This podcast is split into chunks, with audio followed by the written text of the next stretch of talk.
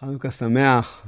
אה, בחסידות חנוכה הוא חג מדובר מאוד ונידון מאוד, אה, גם בגלל הרעיונות הנשגבים שקשורים בו, וגם בגלל הסיבה הפרוזאית, הטכנית, שחג חנוכה הוא חג בין שמונה ימים, שכל יום יש הדלקת נרות וכל יום יש התוועדות, ובכל יום מותר לכתוב.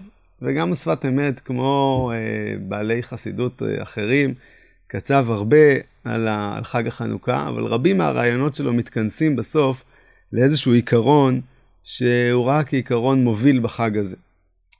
כשאנחנו קוראים בפרשיות השבוע של אה, ספר בראשית שאנחנו מצויים בו על אבות האומה, אנחנו באמת רואים פלא של אנשים שהם מעורבים בדעת עם הבריות, חיים חיים, חיי משפחה, חיי מסחר, חיי עבודה, יש להם קשיים אה, כבירים.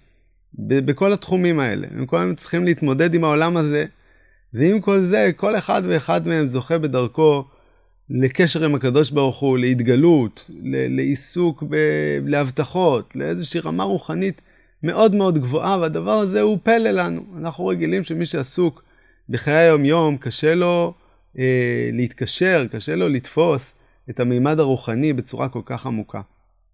והרמב"ם בסוף המורה, בחלק ג' לפרק נ"א, מסביר בנספח שהוא כותב על דרכם של אבות האומה, שאומנם איבריהם היו בעולם הזה והיו עסוקים מבני אדם, ועם כל זה, כל שראייתם, שזו מילה נפלאה של הרב קפח לתופעה היוצאת דופן הזאת, שרייה, שהכוונה, כמו שהוא מבאר שם, זה כל הרצון שלהם, כל התנועה שלהם, היא כלפי הקדוש ברוך הוא, למרות שהאיברים שלהם נמצאים למטה ומדברים בני אדם, הראש שלהם בשמיים.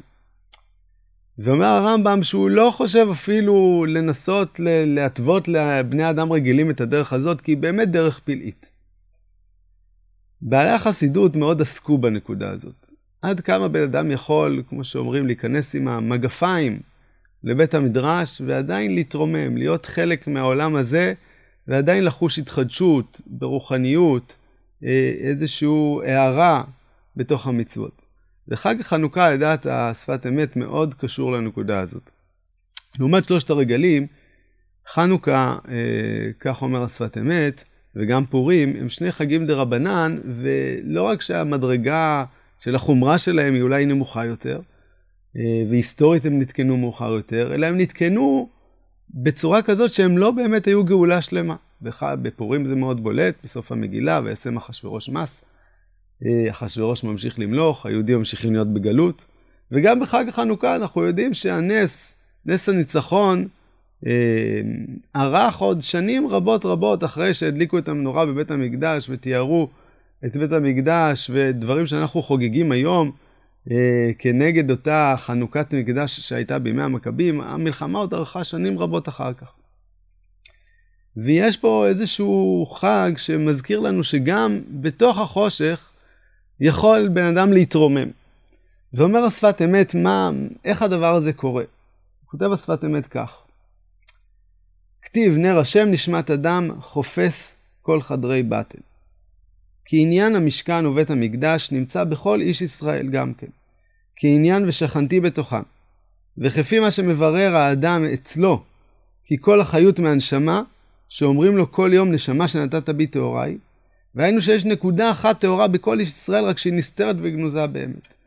אומר השפת אמת, באמת, כל אדם יש לו איזושהי נקודה אה, פנימית, נקודה שהוא מכנה אותה נר השם, שנמצא בתוך נשמת האדם. נשמת האדם עצמה, היא נר השם, היא האור האלוקי.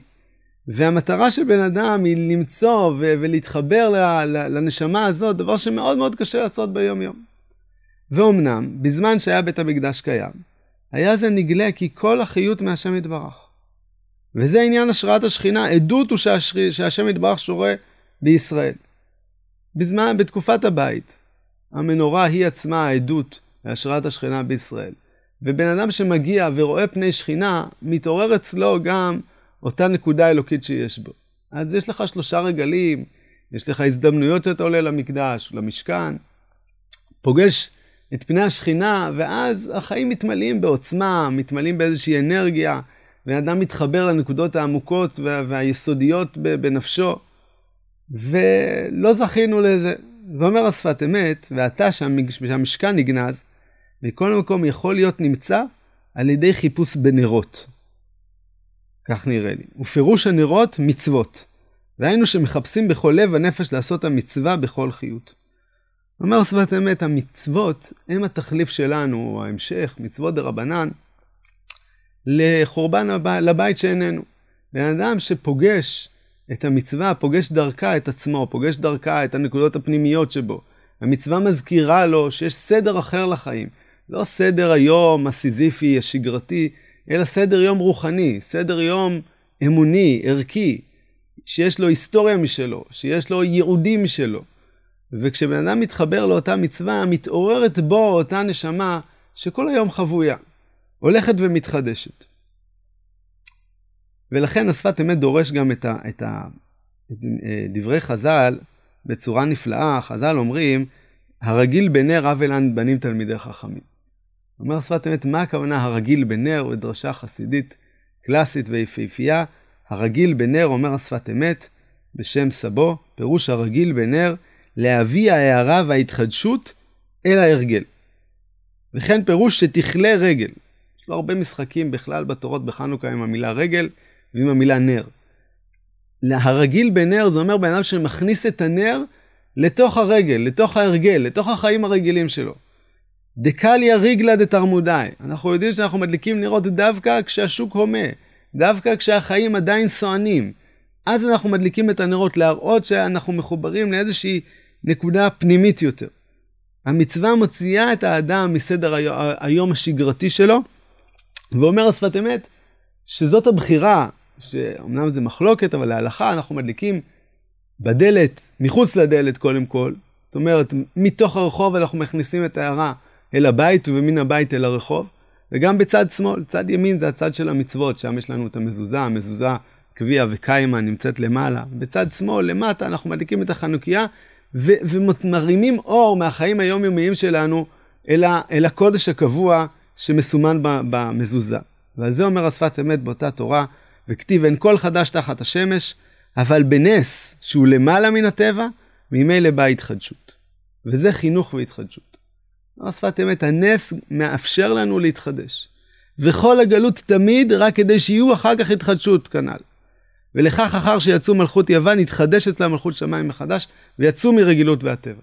כלומר, שפת אמת, כל המשברים שבן אדם עובר בחייו הפרטיים, וכל המשברים שעם ישראל עובר בחייו הלאומיים ההיסטוריים, כל המשברים האלה נועדו בעצם לזעזע את ההרגל, לזעזע את חיי היום-יום השגרתיים, להזכיר לבן אדם שיש פה איזשהו סדר, שיש פה איזשהו ייעוד פנימי.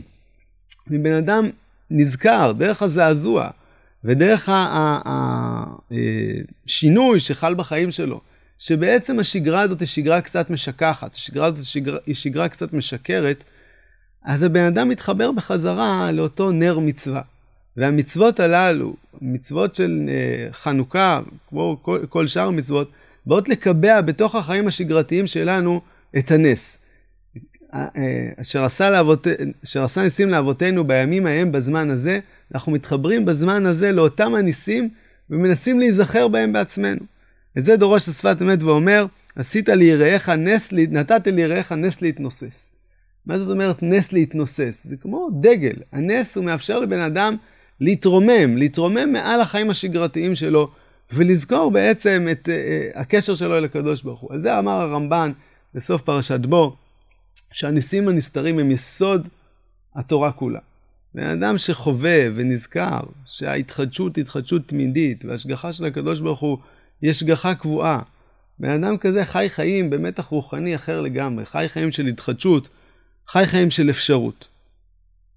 המאבק עם יוון, לדעת השפת אמת, הוא, הוא סביב הנקודה הזאת עצמה.